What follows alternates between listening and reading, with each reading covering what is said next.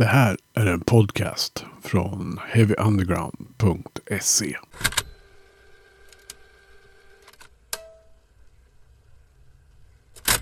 I det här avsnittet av Heavy Undergrounds podcast så gör vi en liten resa utanför landets gränser och träffar Great Falls från Seattle. Tidigare i höstas släppte bandet den fantastiska skivan Objects Without Pain på alltid bästa New Rock Recordings. Det är omöjligt att motstå den eh, kärva och ångestladdade hardcore som bandet levererar. Så när vi fick chansen att ha med dem i podden så tog vi den. Och vi, det är jag, Magnus Tannegren, som producerar Heavy Underground och intervjuar, det gör Svempa Alveving i det här avsnittet. Som förutom att han till, hör till redaktionen gör Cries from the Underworld på Youtube. Så nu får ni en timmes intervju med Great Falls här i Heavy Undergrounds podcast. If I start with you, Shane, what, what have you done before Great Falls? Oh, I haven't done very much. Um, I was in playing enemy with Damien, and I was in a noise band called Hemingway with Damien, and then uh, and then and now now Great Falls. That's that's that's the entire extent Okay. Of uh, me ever doing anything. Okay. And you, Damien? Uh, I was in those bands, uh, playing Enemy and Hemingway. Um, I play occasionally with Sutekh Hexen out of Oakland. Before that, I played in Kiss It Goodbye, Nine Iron Spitfire, Undertow, Dempsey Nothing Left, a bunch of bands. Yeah. And uh, you have uh, some other members that are not in, in this conversation. What, what have they done before heading into Great Falls? Nick was in um, this band Nihilist like 20 years ago when we met him. Um, then he was in a band Elitist, which turned into this band called Bastard Feast, which was really good. And then uh, he still plays uh, in this band Gatheist. Yeah. And uh, from the beginning, how, how did you get together as a band? Well, um, playing Enemy needed a bass player um, to go on tour back in 2001. And uh, I lived in Indiana, which is for any Swedes watching, is very far from Seattle. Um, and uh, I mean, you know, to make a very long story short, I quit college and moved to Seattle to be in this band playing Enemy. And Damien and I, Damien and I hit it off very well uh, to the point where when playing Enemy broke up in 2006, Damien and I just were just going to keep playing together. And um, we decided to do a noise band for a while, and then we started got, getting back into structured songs. And the structured songs then were like a different enough from the noise band that we got a new name great falls. Uh, had a drum machine for a while then had a drummer for 10 years um, whom we uh, separated from about six or seven months before we recorded this record uh, Nick, who's a, an old friend of ours and one of our favorite drummers in the world, um, was kind enough to offer to fill in. And then after a couple of practices, we're like, we need you in the band. And he's like, yeah, let's do it. So, And uh, you are based in Seattle, and the music life in general there, I can just think it's amazing. But when it comes to the sort of music you are playing, how's the music life if you try to describe Demian? in Seattle. Um, it's not like it used to be. There used to be a lot of little venues and house shows going on all the time um, when when things were easier and cheaper to live here. Um, it's harder for venues and places to you know rent a room. We had we had a place called uh, the Peach Pit, right? Peach Pit, what was it? Peach Pit chain. Peach Pit, yeah, yeah. Yeah, I never even got to go there before they ended up basically getting shut down by the city for you know probably good reasons like fire codes and stuff. But uh, we so we've lost a lot of venues um, we have a few. There's one like just a few blocks from my house, which is also the building we practice in.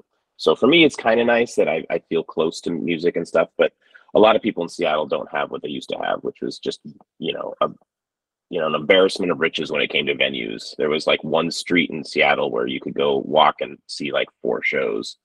There's three clubs like right next to each other, like in the same building. There was the Victory Lounge, the Black Lodge, and the Lo-Fi, I think. Yeah, Lo-Fi. Yeah, Lo-Fi. Um, and and there was times where we'd have like like a like some band would have a show and and there'd be like two of their friends bands having shows. You could just walk back and forth. It was just so much fun for a while, and now it's just not like that anymore. It feels like uh, the scene is kind of got hurt a bit by housing crisis and uh, people just moving pandemic yeah exactly pandemic and people just moving out of the city a lot of people like shane have moved to tacoma which is a city just about 40 minutes south of here, which uh, is, is kind of an entirely different world. So, yeah. Do you have any local band that you uh, want to mention besides Great Falls? Um, Nurser, there's great.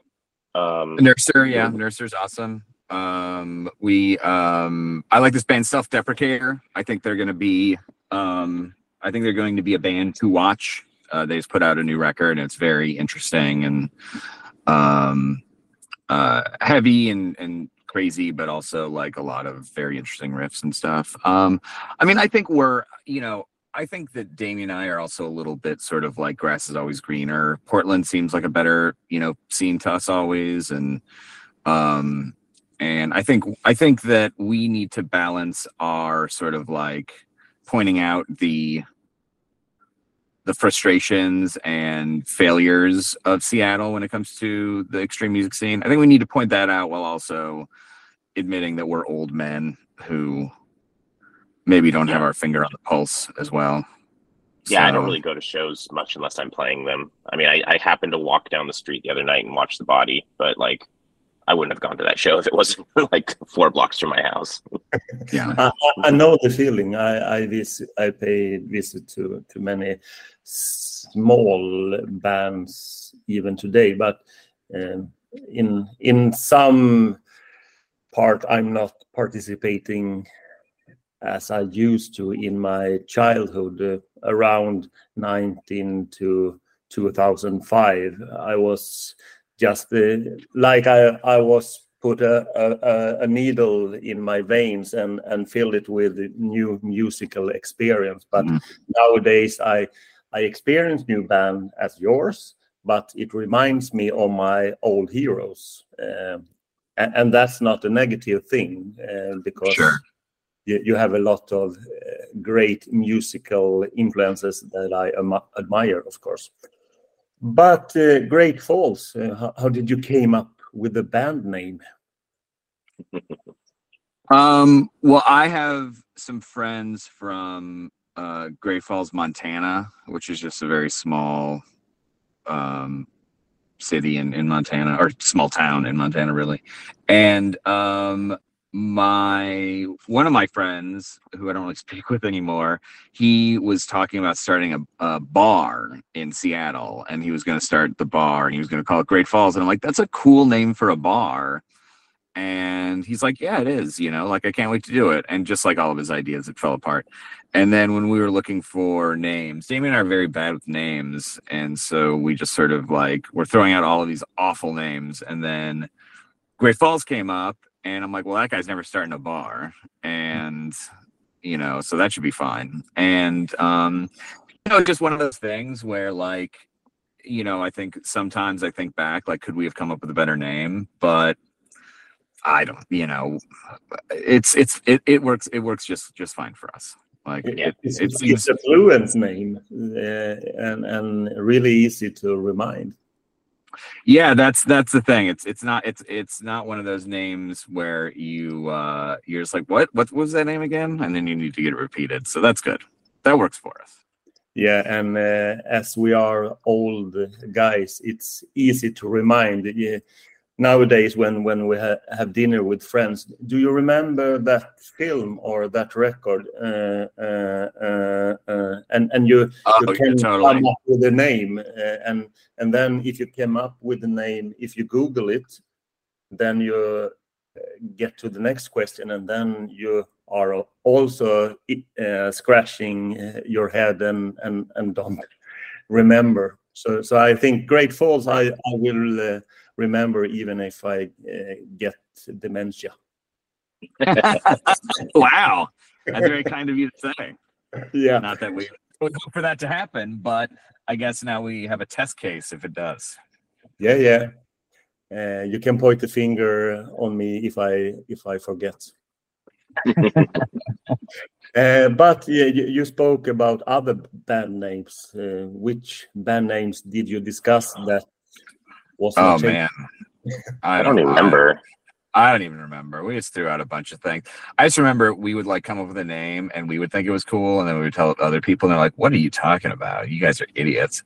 But also, like, you know, keep in mind that Damien and I talk all day, and we also like we riff a lot. You know, we just sort of, um, you know, we just kind of like make jokes on top of jokes, and and sort of just get each other going in a, in a way. So, you know, oftentimes yeah. we come up with a lot of ideas that we just sort of have been spending all day sort of just being idiots and, you know, coming up with stuff. And then at one point we just convince ourselves like, oh, well, this, how could this be bad?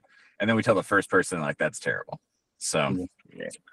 um, but you know, I mean, band names are, are such a, you know, I mean, I, I always think about the the Ringo thing where he said like, well, you know, we didn't know we were going to be the Beatles. Like, you know, if if you know, if we had known that we were, you know, essentially saying if we knew if we knew that we were going to be such a big band, we would have come up with a better name. And you know, but really, like, you know, there there, you know, there's no band name, no no good band name saves a bad band, and uh, no bad band name truly hurts uh, a good band. You know, so we just try and you know, had to come up with something. Glad we have it. You know, haven't haven't had to uh haven't had to change it in in whatever 12 years. So I guess that's enough to be thankful for.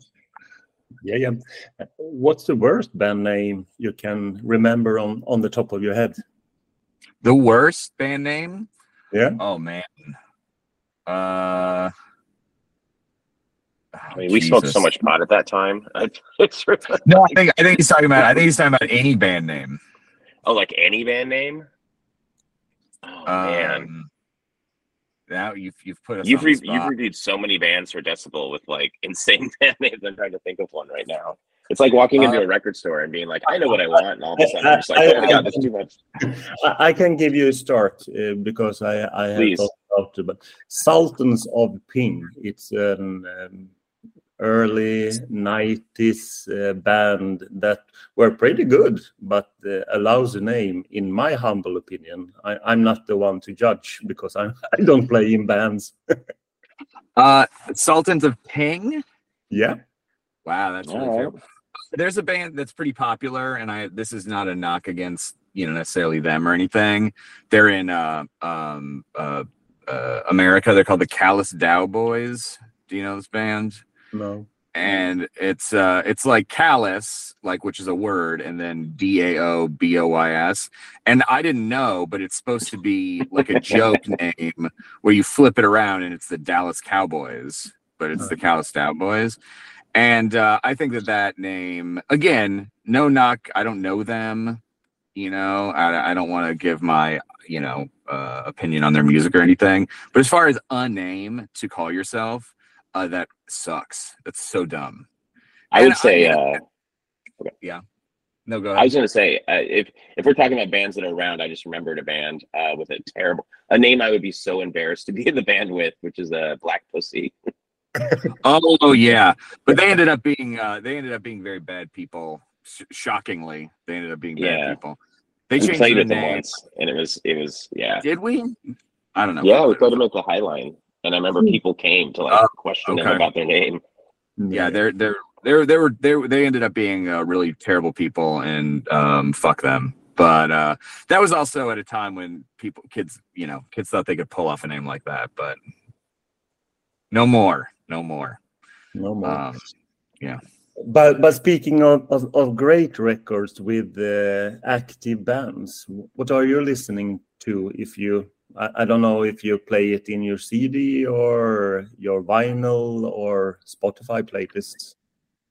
I just listened to the new Blood Incantation EP, which is basically one proper song and a kind of instrumentally thing. And I think that new song is great. I mean, it's it's a little light for a release, but it was uh it's it's it's a good track and makes me excited for the next album. Like uh, I guess that there is a lot more to come with the band, and I didn't expect the the, the latest full length the release. I, I as I always when when I listen to Blood Incantation, I, I expect the the murky uh, death metal, and I was when when when are the go the record going to start? It, it never oh, yeah. it never touched me the ambient because I I didn't expect it, and that's mm-hmm.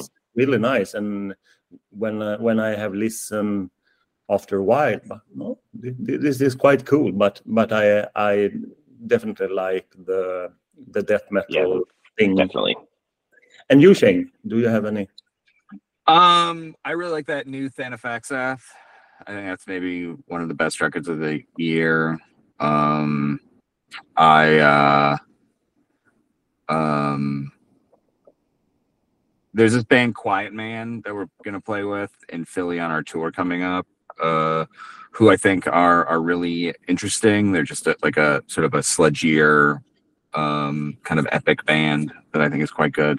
Um, I'm trying to think of what else is on my my best of. Um, but uh, but I never make those until the last minute. So, um, what's your what are you listening to? Uh, I, I, listen a lot to uh, to a Swedish band from Gothenburg called Industrial Puke. Industrial Puke. Yeah, uh, great name, uh, don't you think? Amazing name. Yeah, and and there are members from I, I, don't know if you're aware they they have played in in Burst, uh, a Swedish. Uh, oh, okay. yeah. yeah. Oh yeah, yeah. Okay. So I, I I can send you the link after a while after after the conversation and hope you like it. And i have listened a lot to a fantastic band from seattle great falls. Have you heard about them? They no, brilliant. No, terrible name. No no I, I admire it. But uh, enough of jokes uh, um, but i really i really must say and, and we will talk a lot about it um, further down this discussion. Uh, this is a fantastic album you have created. But uh, before we get in into objects without pain, could you give us and, and the listeners a, a lengthy conversation about your discography before oh, Jesus. without pain? Um, I feel like we have we don't have as many releases as people say we do, but um I mean, we have I guess we've we've put out quite a bit of stuff, but um a lot of stuff we put out is mostly just because Damien likes to make things and he's always coming up with an excuse for us to make to like record something. So um um so it's sort of like Damien will be like, "Hey, I want to make this packaging. Can we record something or make something so that we can just put it out?" And was like, "Ah, fine, let's do it." Um, but um, yeah, I don't really feel like we. I mean, this is our this is our fourth full length, though we did uh, put out a demo before that, which is like 30 minutes long. So you know, I guess that also counts as a record. Um, and then, you know, we've just sort of put out various splits and I don't know why. I don't, yeah, I guess I feel like we don't really write very much, but, um, well, I've been doing it for a while. yeah, that's true. I mean, this year we we have uh we had an EP, a full length, a four way split, and we have another split coming out. So that's quite a bit for a year, I suppose. Um, but um, yeah, we just kind of um, a lot of a lot of things, you know, are just kind of weird noise things that we do because Damien wants to make packaging. And another thing is that usually when we go into the studio, we're like, okay, well, we don't want to go in to record like a thing because um because you know you kind of have to pay for the whole studio day anyway so we just write write a few more songs and throw them on on in the back and then those end up you know and then someone's like hey i'll put it you know i'll put it out in two and a half years and then kind of just comes out and like i don't know if we'll keep doing that but um but i guess we yeah i guess we have we have we have a, we have like i don't know. Damien how many how many like legit releases do we have? Like 10 12 something like that. Maybe 10 Yeah. and then like a spattering of tapes and cdrs and stuff. Yeah and just kind of random things like we're pretty yeah. Again a, lo- again a lot of it's just so damien can put out a tape but but that's okay. But but to put it in a, a perspective, in a timeline from 2012 or 13 until now, you have released so many records. If you compare it to Guns N' Roses, that's true well that is that is true.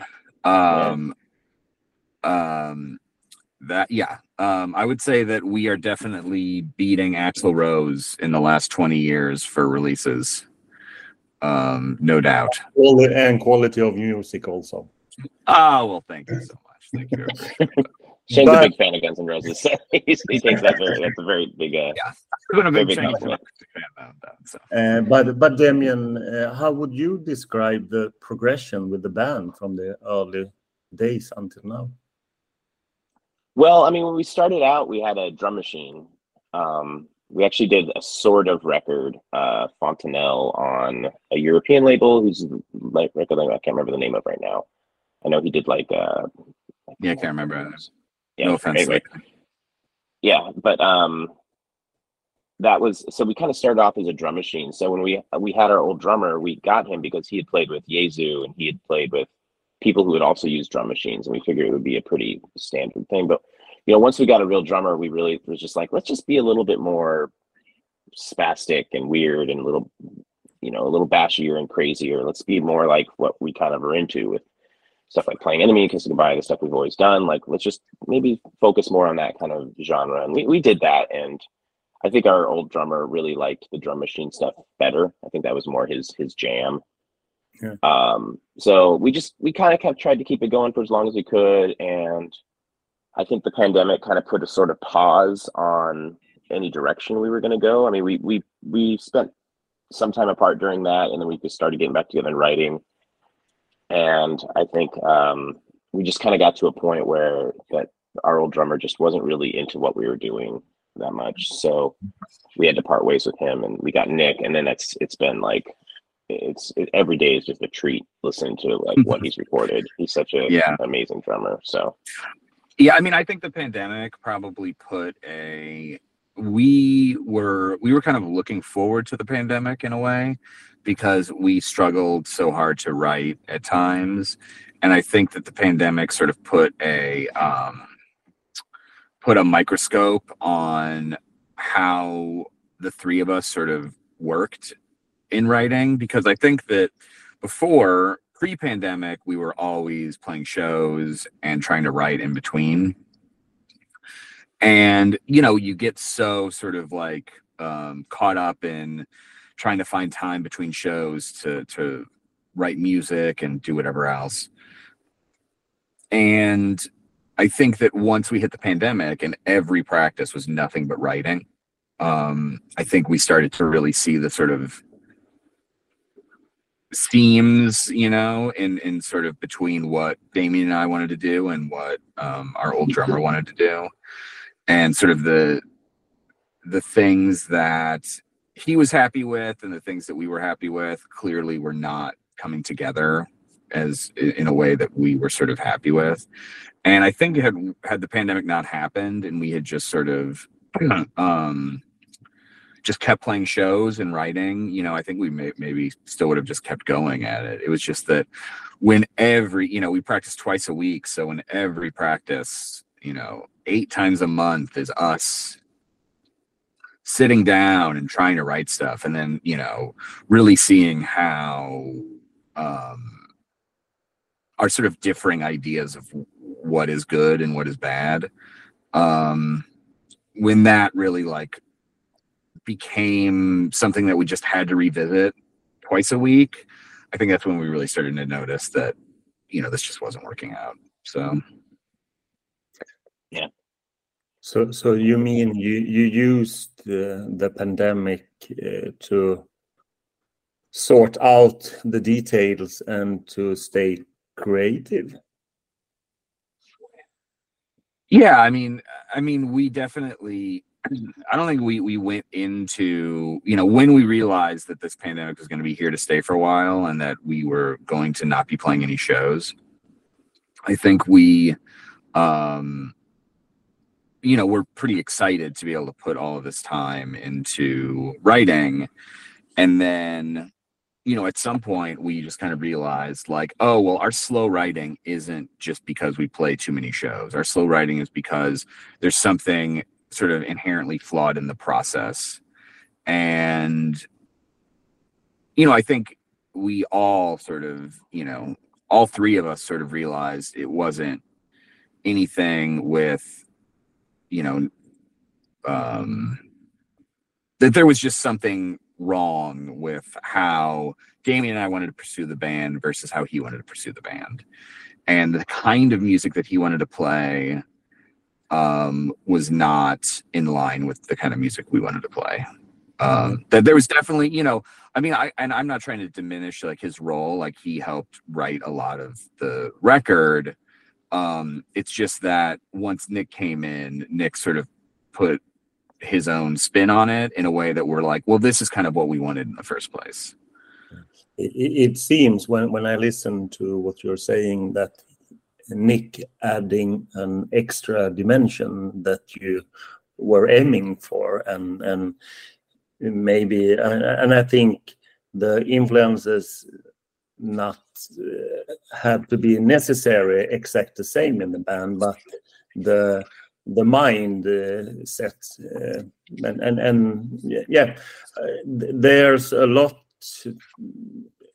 you need to have uh, a good chemistry in the band, and I, I think that there there's not uh, seems to be a conflict when when you're describing. I, I see you you're aiming for another person, and and you get Nick, and and now you're you're in a happier place. Yeah, and I mean, Absolutely. you know, and yeah, yeah, one hundred percent. And I mean, the thing about Nick that is is weird, or you know, doesn't necessarily um, isn't what exactly what we would want, but has has worked itself out so far. Is that you know Nick lives like three hours away from our practice space, and we would love for him to come up, you know, twice a week and play with us, but um, but he can't, you know, logistically. Um, logistically, he can't really make it up very often at all. I mean, the the the only reason that has worked is because one, he's just a um, you know, he's a freak and can just pick up songs really easily. Hmm. Um, and then, you know, we had been when with our old drummer, we were very democratic. Like we didn't want to move forward until every part was was sort of agreed upon by everybody. But um, you know, Nick has opinions, and we want his opinions, but um, but he is definitely more hands off with the songwriting now, in part just because he's not around. And um, you know, we wrote a lot in um, at Damien and I wrote a lot without Nick there, and then Nick would just show up and like make some suggestions or whatever, but mostly just learn the song and play to it in his very cool style. And as much as I liked the democratic sort of idea of the band. The way it works now, where it's sort of Damien and I are kind of the the people who are deciding a lot of the songwriting, and then bringing in Nick. And if things change, you know, if Nick says, "Oh, I don't really like this," or we're just playing with him and we're like, "Oh, maybe this would work better," that's great, and we love that. I think that the one thing, one of our biggest issues previously was that we were dealing with a democratic process that wouldn't even get us past the first couple riffs you know so we're just sort of you know we're instead of instead of sort of presenting to nick a fairly finished song that then we can sort of like break and like reconfigure and do it whatever we want with it. Um before it was sort of like okay have we all agreed that the first part is good? And Yeah. until that's true we don't move on to the second part.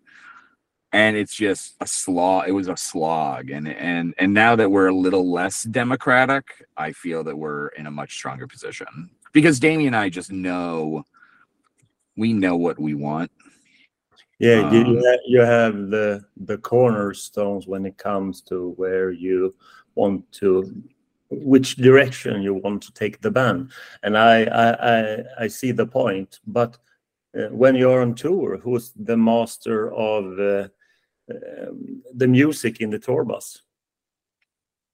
oh man that's a that's an interesting question um Probably whoever well- drives. Yeah, I don't even remember who what we listened to our last tour. I don't know. I don't think we really listen to that much music when we're on tour, do we? Do we, we listen to podcasts? I don't know what we do. We'll find out soon. We, we, Yeah. we leave next week. Um, we leave next week, and it's just Nick and uh, Demian and I in the in the car. So like, um, we'll see. I don't think that we're really. I feel like we listen to podcasts. Maybe I don't know what we do. I have no I idea.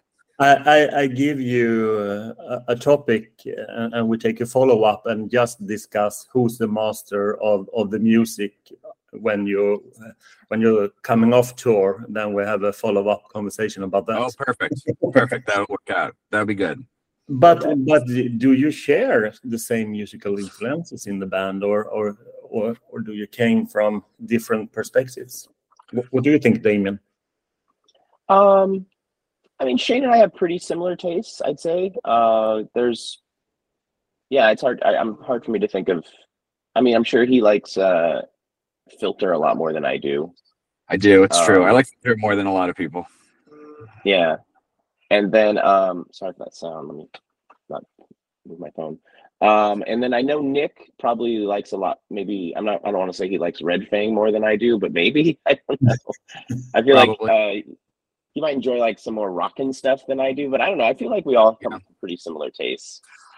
I think we all have Nick is Nick and I are Demian's only five years older than me, but there's like a you know, as you know, in like a lot of extreme music, five years is like an entire generation.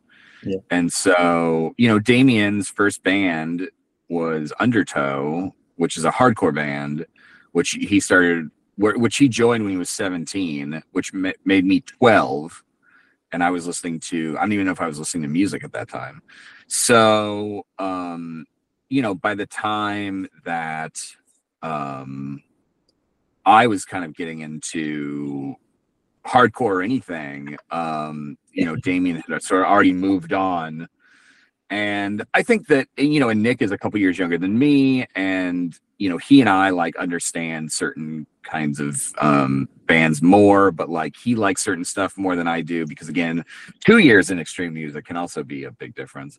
Um, I think that we have varying sort of tastes with certain things, but I think there's like fundamental things that we are very um, much in agreement with. I mean, obviously, we like odd time signatures and we like, you know, heavy bass and um, we like kind of crazy drums and um, we like interesting.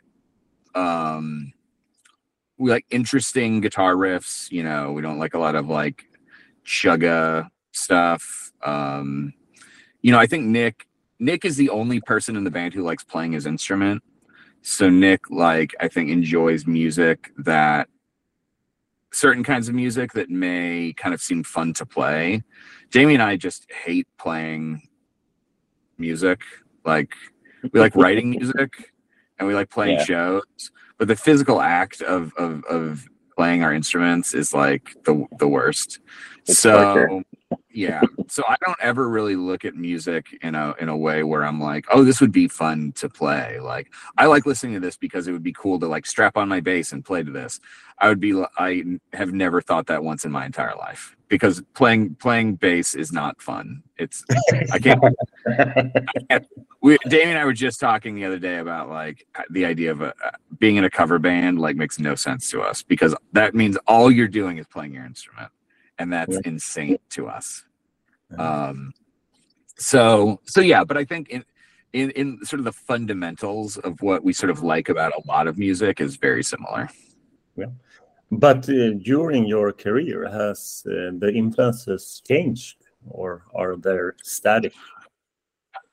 Um Oh, it definitely I mean, changed for me. I mean, I, I learned. I mean, like Shane said, I started off in hardcore. Like, I was really excited about like Chain of Strength and stuff. Um, that's not so much the case anymore, you know.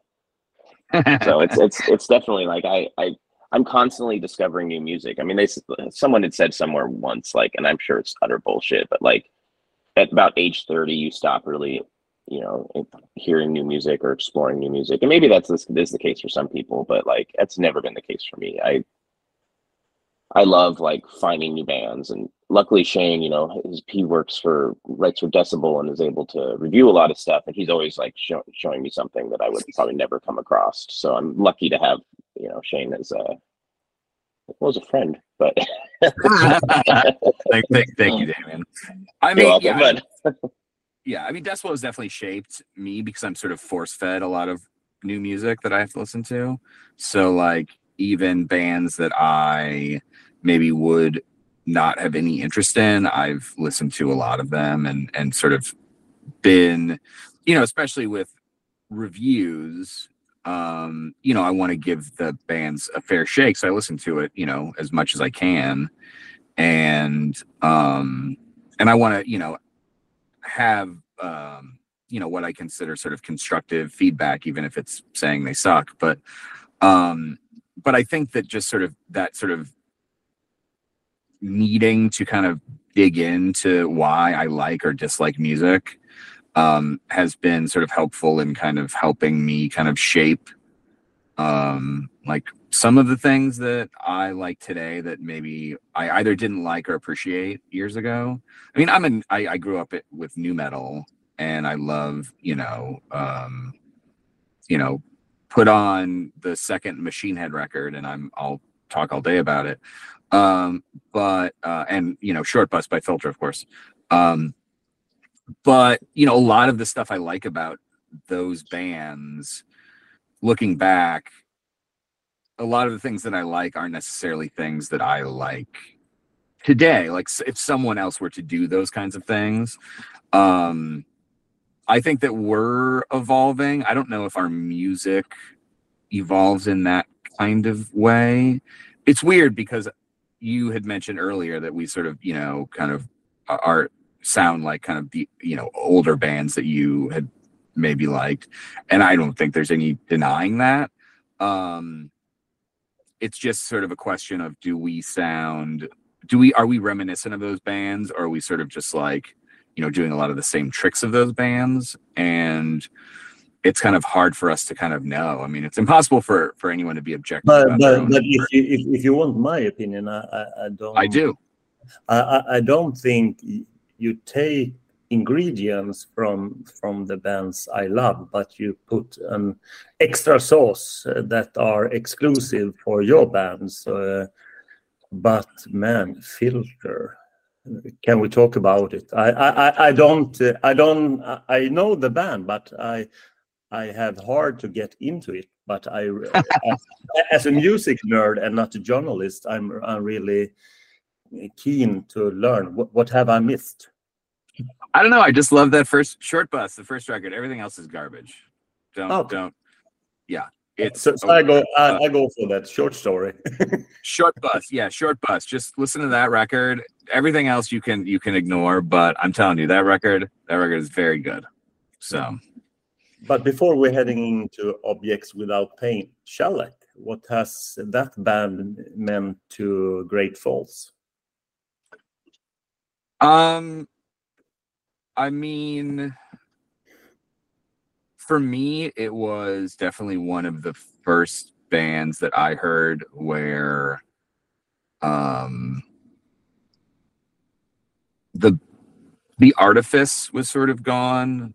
Um, especially because I listened to a lot of, you know, uh, nu metal and uh, you know stuff on Roadrunner records and things like that. And um, hearing, I mean, the first record I heard was 1000 Hurts. So um, it was just this, you know, very ugly, un underproduced as I kind of felt it was, you know, kind of thing.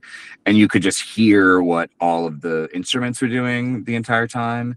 And that was like, re- that was quite big for me um, because, especially as a bass player uh, and as a bass player who wants to be a functional part of the band, um, just always being able to know what the bass is doing and knowing how integral it was.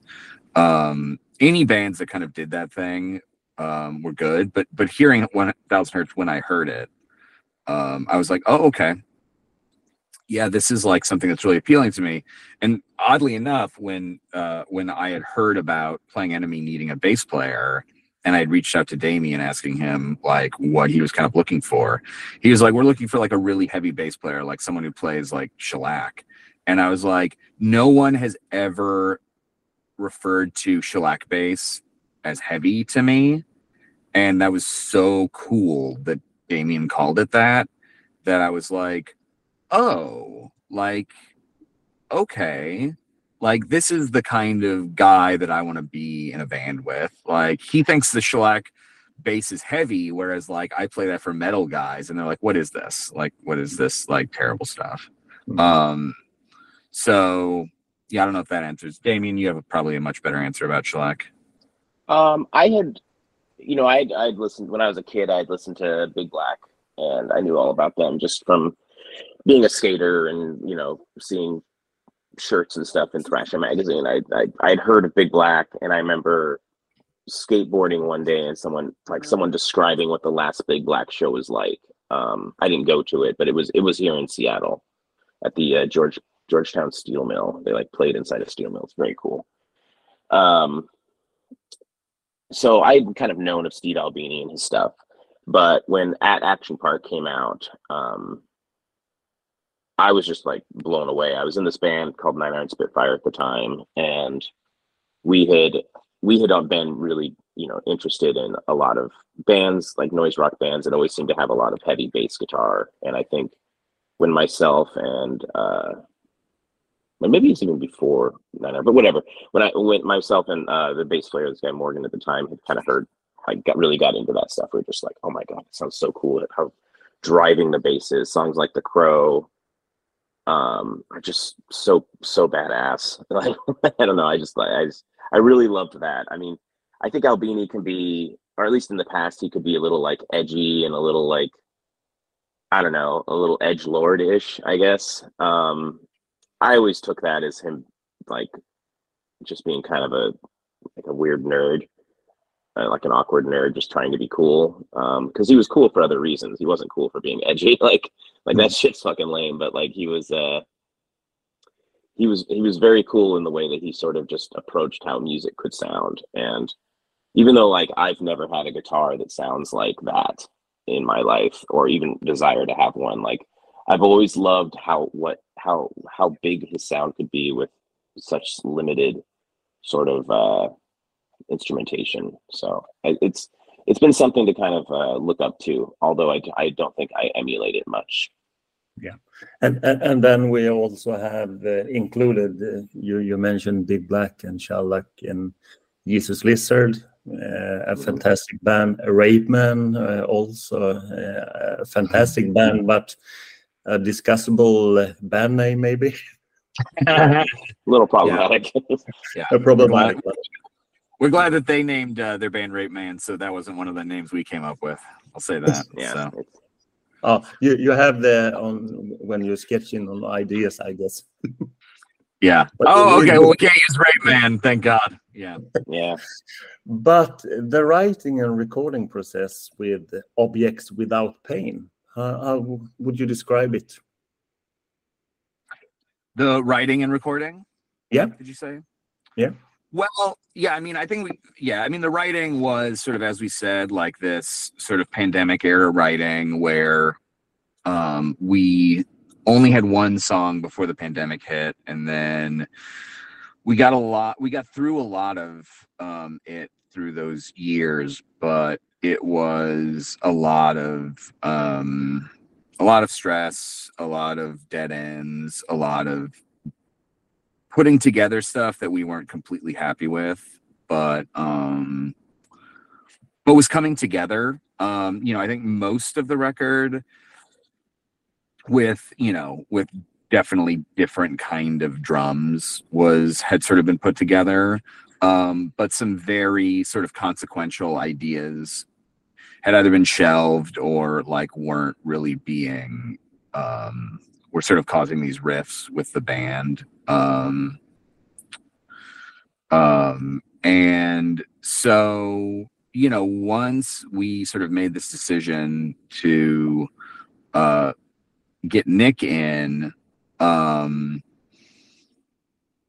i mean i don't know how demian wants to describe it but i just kind of remember how sort of like I, I I mean I feel bad. I don't want to speak about our old drummer as though he were an anchor or anything, but it was very liberating for us to just sort of pursue some ideas that we kind of felt were off the table.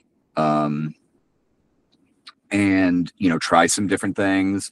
And then, you know, we ended up writing um uh, you know, five songs additionally to to what was on the LP. So in in like a very small amount of time and something like, you know, I can't remember, but it was something like we wrote like six songs in three years and then seven songs in three months or something like that. It was it was pretty pretty nuts.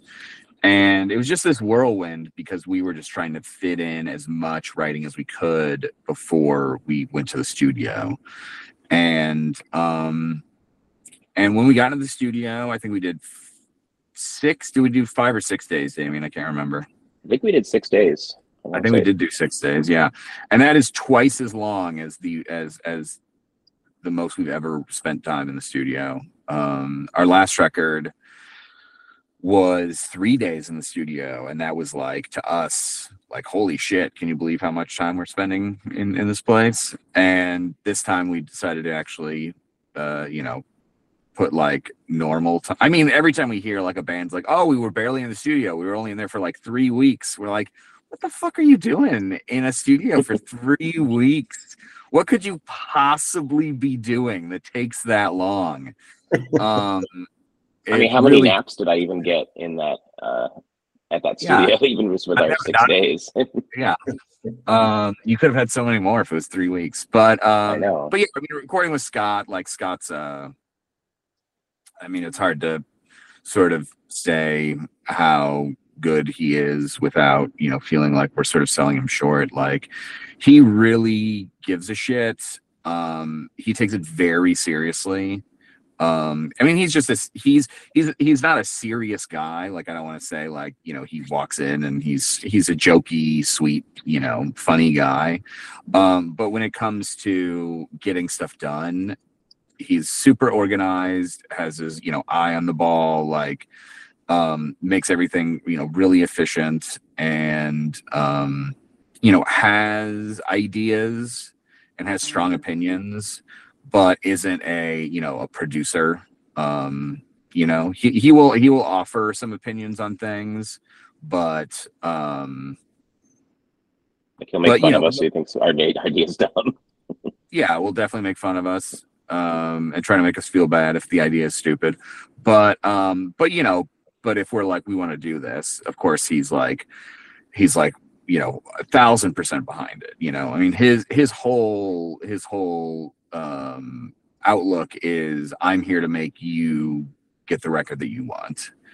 And he did that with our last record and he did it with this record and um he got more he got a lot more freedom with mixing this time um and um and just made it, you know, made it inc- sound incredible. Like we we the production is um to, to us what he did with the to us what he did with like our sound is um I talked to Aaron Turner because Sumac recently recorded with with um Scott and Aaron Turner had said that um he makes he makes you sound exactly like you sound uh but better. And I agree. Um and you know scott was very taken aback by that that sentiment. Um but i think it's true you know i think he really uh scott does a very good job at sort of capturing how you think you sound um without this sort of feeling like well you know hey you can't you can't you can't get that sound out of your head right you have a certain sound in your head and that just doesn't exist in reality and scott is definitely the closest I think we have met to actually doing that without putting his own thumbprint on it. You know, there's no there's no Scott Evans sound, I would say. You know, of course you can sort of talk about earmarks about it, about sort of how he sort of um, approaches things, but when it comes to a record that comes out of his recording or just mixing, I think that uh, he uh, is spectacular at producing something that you as a musician feel is rep- as actually representative of what you hope the band sounds like. Yeah, that's a very good way to put it. Very good point. And uh, you entered uh, Studio Litho. Do you pronounce it like that? Uh, Studio Litho, yeah. Uh, uh, what do you think the studio as an environment has meant for you during the recording process? It's an awesome studio. It's uh, yeah. owned by Stone Gossard from Pearl Jam. It's like, I mean, uh, Soundgarden recorded there, Pearl Jam recorded there. Like, it's just, it's definitely like Deftones. It's it's it's, Deftones. it's a big it's it's a big boy studio.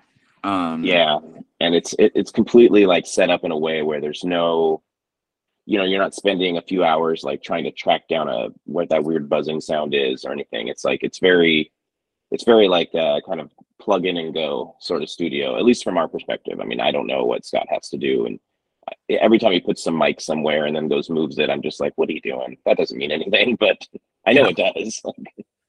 So yeah, I, we, I we don't understand enough about the recording process to really speak too much on it. But yeah, but, but as far as someone who utilizes the facility, it's it's a wonderful place to. Yeah. Great drum great room, studio. just yeah, yeah. It's um, I mean, it's one of those studios where like we sort of got or Scott got a bit of a bro deal when it comes to how much it was a day. Um, it's still not like outrageous, outrageous for um a recording, but it you know it's it's it's a nice enough studio that you know it costs a chunk of money to to to do it but it's you know i mean as we get older i think as we we become less punk rock we also realize that the money you're trying to save on a thing that lasts forever and that is representative of, of years of work that's probably worth the money to spend, you know, um, because you know we're not we're not a um, we're never going to make money off this band. You know, it's it would it would be it would be delusional to even uh, entertain that idea. Um, so what are we doing this for? And it's the idea is to capture this music as best as we can and I think that we had sort of a, more of a punk rock feeling about our, our previous records about like you know we'll we'll get in the studio for two days and just kind of do it like roughshod and you know have so and so kind of mix it as a discount and that'll be fine. Like we don't want to we don't want to over fancy it. And then you know after a couple of records like that we're just like eh, we could make something that sounds better. We probably should. Yeah we should we should we should be happy with this stuff you know? Like we we should you know we're not um you know we're not a band in like 1982 that's going to be recording a, a seven inch that sounds like shit but everyone still talks about like you know, we're a little more um we're a little more grown up than that. So, you know, let's let's actually just you know, it's an expensive hobby. It always has been. Um, you know, may as well uh make it sound as good as you can. But but you have created created uh, uh, soon to be a classic record. You know that. I mean, we'll see. I mean, that's that's very sweet of you. I'm the guy on the top that made that decision. It is. well, I well, I mean, nice thank you. I mean, this is your. I mean, this is this is your venue, so you you can say that. Yeah, yeah. I'm, I can not kick I'm you off of this. but uh, which was the the first uh, song recorded and the last written? The last written? Yeah. Uh, on, that ended on uh, on the album, of course. Um. Well, we did the first song, the only song that that was written before the pandemic that survived is "Ceilings Inch Closer," which is track six. Um, and I think that may have been the first song we also recorded when we did it. We it was because I remember we recorded it, and then the next day, um, Scott asked Nick to re-record that the drums because he just thought it was one of those things where it was like, you know, Nick sort of built up, you know, his sort of like strength or whatever, and he's like, you know, go in there and let's do it again because you could probably hit it harder, and you know, of course he did. Um, and then the last song, no, no clue.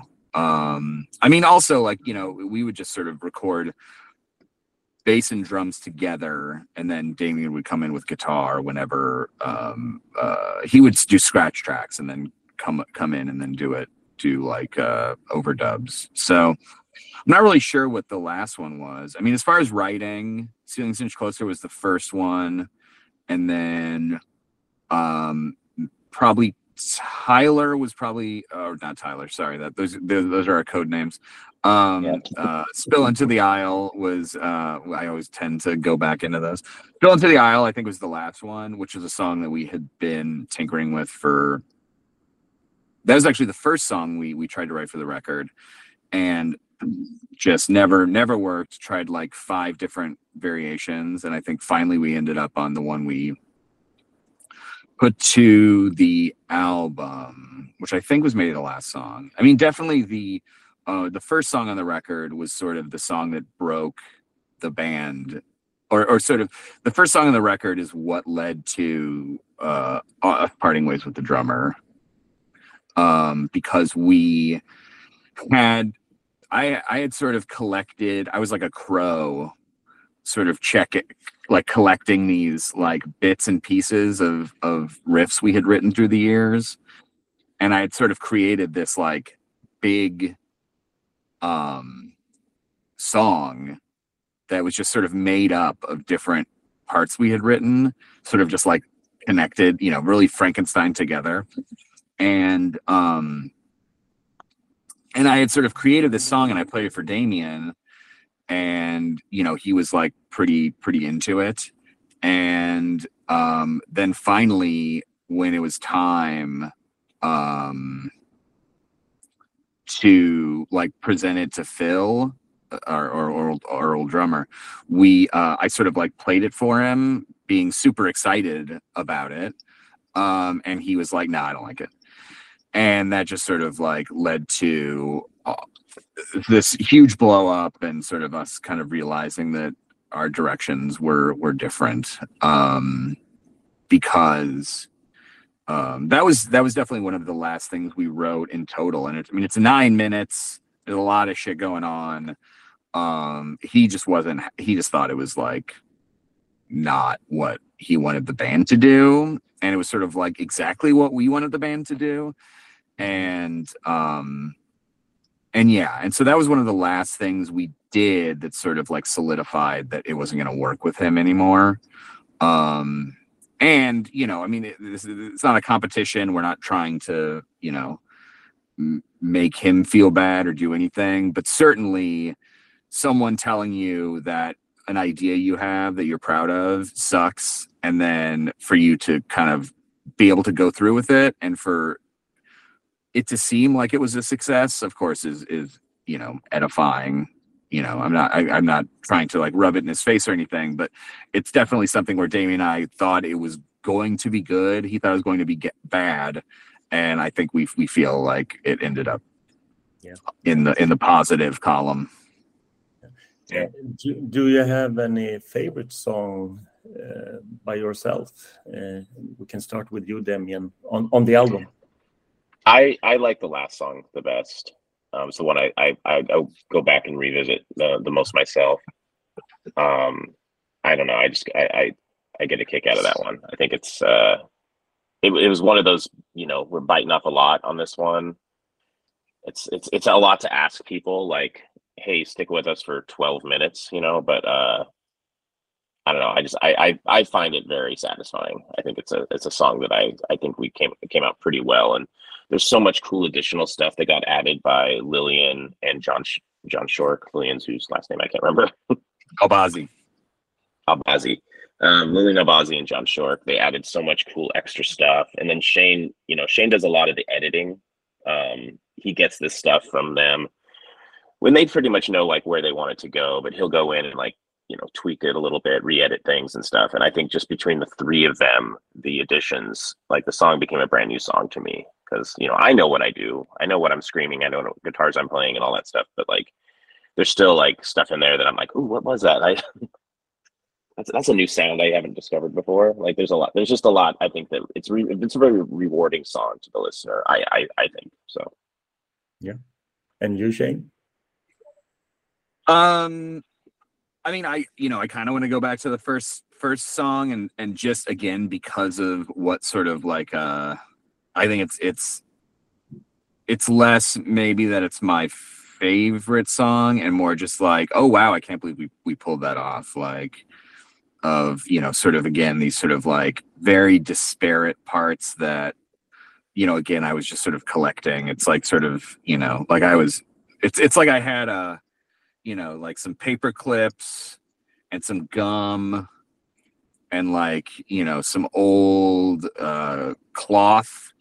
And then I glued it together and it's like, hey, is this anything? And, you know, and Damon was like, yeah, maybe that could maybe be something. Um, yeah we, we generally don't write such a linear song and it's a pretty linear song and it's uh it, it worked out well i've always been kind of jealous of bands who can like write like one part song or just a very linear song without having to come back and repeat parts and i think Yeah. i think we we managed to do it yeah. And uh, my pick right now, uh, with, with every great record, it could depends on on the mood and and uh, what your mind are set. But mine are dragged home alive, and uh, I I really appreciate the the harsh vocal tone, of course, the the song title, uh, the vis- uh, the whispering voices before the bass kicks in and the chanting there is no escape from this place. This is no mistake. It made me think at first before i read that the the theme of the album was another that this is a song about a mass murder In a way. so so, so, so that- that's the alternative version that i add to you That's amazing. Um, yeah, I mean, I, I, I definitely think that that could be, um, uh, Yeah, that's you- an you- understandable. You know when when, when you're listening to when when going to work on the subway in in your earphone and and you hear that uh, whispering voices uh, and- you know this is madness. This is cold fucking madness. Uh, this, this is I, i'm about to be butchered and and i love every single minute of it. So so thank you Ah, for one of my amazing songs. But what have the critics told you about the record? Um, I, I mean, the, the, you know, the, the, the reviews have been, you know, very, um, very nice, very kind. Um, you know, I, I think, eh, you know, Demian and I have sort of talked about how it is weird to us to sort of hear how unrelenting and sort of oppressive the record is because I feel like it's a record that has a, a lot of relatively for us, you know, has like a lot of space and, and breaths in it, especially compared to some of the other stuff we've done. Um, which is like, you know, kind of just, you know, song, you know, like it, you know, there's a song and it's just noise, and then just next song it's noise. And we feel like this one has a lot more space. Um, so it's kind of interesting to hear how people sort of talk about how this is just like you know you know never lets up and is just you know always on top of you but i but i also understand that like our understandings of space are probably a little bit different because a lot of the space that we maybe are putting in the record is maybe a little more eerie or filled with tension or you know every time we put a record together i would say that or really you know songs records i would say that you know our main concern at all times is momentum. And i never want to feel like we are are dawdling. Um i want to feel like everything everything on a record i feel needs to have um the sense that it's always kind of moving forward that you know we've never sort of like st- stopped in a spot. And so i think that, that that when critics have been talking about how it's you know really unrelenting I, I i feel like maybe that's more a reflection of that about how it's always moving forward and there's not a lot of you know moments that we just, just sort of like sit and rest. And mostly that's just i think our preference is that we don't want to be a band that especially because we do do these long songs i don't think we want to be a band that sort of feels like we are making people we don't want to sort of force people to have to be like okay you know like all right i kind of see what they're doing. It's sort of like we can be um, we can be a band that people maybe have struggles listening to or we can be a band that people are like you know feeling like maybe they're a little overwhelmed but we never want to feel and i've said this before we never want to to feel like we're wasting anyone's time um Yeah. and there are a lot of bands that even bands i like that you know it, it sounds like sometimes they just get a little um uh you know a little a little too high on their own supply and kind of feel like they can sort of make the listener kind of have to have a little more patience. And i don't think that that's really the point of being in a band. Um i think that if you want to challenge people we you should be challenging them with like the you know the way the songs put together or the riffs or time signatures. I don't think you should ever be sort of making people have to kind of look at their watch um and you know this record's almost an hour so we're clearly you know we're clearly fine with with taking up a lot of someone's time. We just want to make sure that that time is um is is not sort of you know ill spent or that people sort of regret you know? There's nothing i hate more than when you listen to a record and the last song is like 18 minutes long and you're just like holy shit. And then the song's kind of over after like six minutes and then it's just like kind of noise for the next 13 It's minutes and you're just like yeah you're just kind of like oh man couldn't you have like how about you just don't put that on the record? You know or whatever so um It- i mean that's, that's my uh, rant. it's a well spent hour and i think uh, it's uh, a massive record and a, a lot to take in and and you if you take your time and listen carefully uh, many times you you will be well reward, uh, rewarded. Uh, th- that's my humble opinion. And I, I- don't think I I spent one hour and I, I can as I said earlier, uh, I might be a little negative, but uh, spending three minutes with a new Guns N' Roses song are not uh, well spent time, but one hour with Great Falls are times Wow, five. that's- I'll And, tell you uh, that is That's the kind of review I've always wanted to, to get. So thank you. Yeah. Yeah, take that, Axel. Yeah. Uh, do do you feel that Neurot Recordings has something different than that other music label doesn't? I think it's a perfect match uh, for you to be on the label. Thanks. Demian, I've talked a lot. Do you want to say something? Yeah, no, um, I mean, Neurot was also, it wasn't, uh, it, it was a, it was a label like early on, like Scott, who recorded us, he's in Kowloon Walled City, which is on Neurot, and he had Yeah. mentioned Neurot and, uh, as a, as a possibility, and we're like, yeah, that'd be great. But we, we had, uh, we had kind of already t- been talking to another label, um, about possibly doing this. And we kind of felt like, well, we kind of need to give them sort of like first refusal. Um, like as, as cool as it would be to be on Neurot, it's like a label that I've, you know, cared about since they started doing their own records after, you know, Neurosis stopped being on Lookout and, you know, whatever other label they might have been on before they started doing their own records, uh, Relapse, I suppose. Um, you know, it's just a label I thought was cool and did cool stuff and just felt like it was a good one, a good place. But, you know, we also had like talked to this other label. We are like, well, I think we need to like talk to them first because uh, I want to make sure we, you know, we we talked to them initially. We want to make sure we're kind of, you know, we're good with that. We don't want, you know, we want this record to be really good, so we want to make sure we talk, we cover all our bases.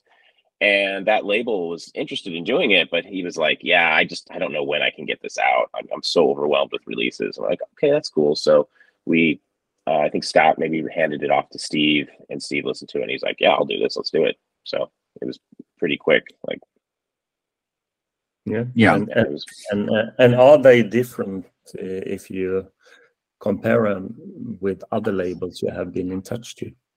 Well, most labels we've been in touch with um, go out of business quickly after yeah, we, we, were. we've been we've been the death nail to many labels. Yeah. So, I mean, being with a, this is the first label we've ever been on where people have listened to the record because of the label, I would say. Um, Yeah. we just ran into a random guy in the street the other day who told us that. He's like, "Oh, I saw you guys run around, so I listened to your record." Like, Yeah. okay, cool. yeah so so obviously the credibility of that is really cool um you know we've never um you know labels are, are just sort of passe nowadays you know it's not like you know i mean the death knell of you know of the whole music industry you know has been sort of moving forward. So so we're just not really used to being associated with the label at all. Like we'll put out something on a on you know on a cool label or like you know it's nice guys or whatever but we've never had this sort of feeling of being associated with with so many strong well respected bands. And it's certainly something that it's certainly a demian is that you Oh, sorry. Yes, I'm getting messages. um are, are the messages from me telling telling you to stop uh, having that thing go off um but uh Everyone um, work is talking about something all of a sudden. They've been quiet all day. um but um yeah but just just being as associated with a label like this is just very what do i say you know like um validating is is a term that i i use often um because you know we don't care about a lot of things when it comes to being in a band. We we aren't very we, we, we try not to be precious with you know the band or the records or like you know we don't talk about our music with some elevated you know this is art kind of feeling. With that said being on a label that has put out so many important bands and is associated with you know serious important music after doing this for so long is is certainly um a feeling we appreciate. Um i mean we are we are are too old to to be doing this probably um in a lot of ways. And um it's nice to have spent this long being in a band and trying to do this music and then to sort of be on a label that uh, celebrates that kind of stuff Whereas obviously, you know, a lot of bands sort of in their if they're musicians in their 40s, a lot of them look sort of back on their 20s and see the best music they've ever put out. And um as much as if you ever put any music that you're proud of proud of ever that that's an amazing thing. Being able to put out a record in your 40s where that people are saying is the best thing you've ever done and being able to be on a label that is that respected obviously is cool. It's very it's nice. Very cool. it, it's nice to know that that that maybe uh, maybe our best days are behind us now because we'll never write as good a record as we just did but at least for the moment it's nice to know that you know maybe these are the best days of of what we've done as musicians so yeah, but uh, I think you, if you made that album that you have made, maybe the best days are ahead of you. Uh, maybe. Maybe. Fingers crossed. Maybe. I yeah. like I like where you're going with that. Yeah. Uh, even if I I love to communicate and all the beautiful conversation must also have an end. I have uh, two short questions, and, and one is about uh, the tour that you are going, and if you have plans for Europe uh, someday. Um, yeah, well, yeah. I mean, we're we're doing um, uh, East Coast in a week and a couple of days, or tomorrow. Tomorrow is a, a week away. Or that we fly in. Um, so that's just a short thing, but it's just sort of like a way to to get out to a place we haven't been in over a decade and you know, kind of, you know, spread the new record and and um and that is, you know, a pretty modest run, but we've just been in talks of trying to to, you know, our next usually our, our next tour would be West Coast, but we really want to get over to Europe and you know, without sort of cursing it. Um, we're kind of hoping in about, you know, about a year's time, we're, we're already in conversations with, with possibly, um, making it over there. So we've talked to some people, we have friends over there. Um, you know, we, we know some, some bands that we, we love who we've always wanted to play with. Um, and, um, you know, maybe a fest um, you know, uh, may may have us. So yeah, we would love to to be. I mean, Sweden. How hard is it to make it up to Sweden?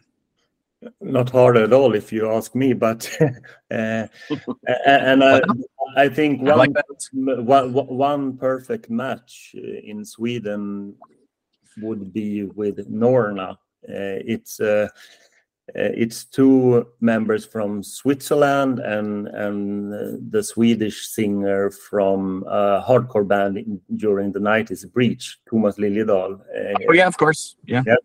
The perfect match and I I will be in the front row if it happens. well, well that is that is that is yeah. very nice of you to say. Yeah, I mean, we'll, you know, we will um that is our that is our our our desire. We you know, as much as we want to play the West Coast or play whatever or you know anything, like getting over to Europe is is really the thing that we we want to make happen, and we want to make it happen within like a calendar year would be really amazing for us. So, like, when's the last time we were there? Two thousand five. Two thousand five, yeah. It's yeah. fun. and, and and one last question, hand on heart, what's the best Seattle-based uh, band in the history? Oh, that's interesting. We we um, the Sonics. Sonics are pretty good. Um, uh, shit. I don't know. Uh, see, uh, I was, I uh, mean, of stuff that's kind of like us, I was certainly, there was a time where I was really partial to Engine Kid. I mean, I still like Engine Kid quite a bit. Um, they lost their original, their original drummer passed away a few years ago, like in a very tragic way. And I've been thinking about them a lot lately. Um, they're they're great. Um, I would also say Galleon's Lap, but Shane can attest that they are not good. Oh my god, one of the worst bands you've ever heard. there was a point in time where they were just perfect. They had this like Rites of Spring meets like Fugazi meets like uh like early 90s hardcore and I just I fucking loved it. But then you go back and it just did not age super well. if, if you listen to it, you're gonna be like, uh is this a joke or yeah, it's insane. Um but um I don't know. I I I I mean, as I mean, saying it's the best band ever. I mean, I loved Kiss Goodbye, which you know, Demian was on the EP. I mean, she loves me, she loves me not. Uh, to say she loves me, she loves me not changed my life is probably an overstatement, but it's certainly um, a moment that I remember in my life. I remember where I was when I first heard that record. I also remember exactly where I was when I heard they broke up. So, um, so that was very that was a very important important band to me. Um, greatest band ever from Seattle, I don't know, but um, but I will say that probably the riff from Sick Day uh, may be the greatest riff that ever came out of Seattle. So, yeah, Cool. um, yeah. So- And, and and with that said, I say very much thank you for a very lengthy and enjoyable conversation. Well, course, thank, thank you, you. so much. This was really good. This was really fun. Du har lyssnat på en podcast från heavyunderground.se. Jag som säger det heter Magnus Tannegren och är den som producerar och intervjuar i den här podcasten. Vill du veta mer om det här avsnittet eller om podcasten i allmänhet? Besök heavyunderground.se eller leta upp oss på de sociala kanalerna på Facebook och Instagram. Tack för att just du har lyssnat. Hey, I met you. You are not cool. I know. Even when I thought I was, I knew I wasn't. Because we are uncool. I'm glad you were home. I'm always home. I'm uncool. Me too. You're doing great. You the only true currency in this bankrupt world is what you share with someone else when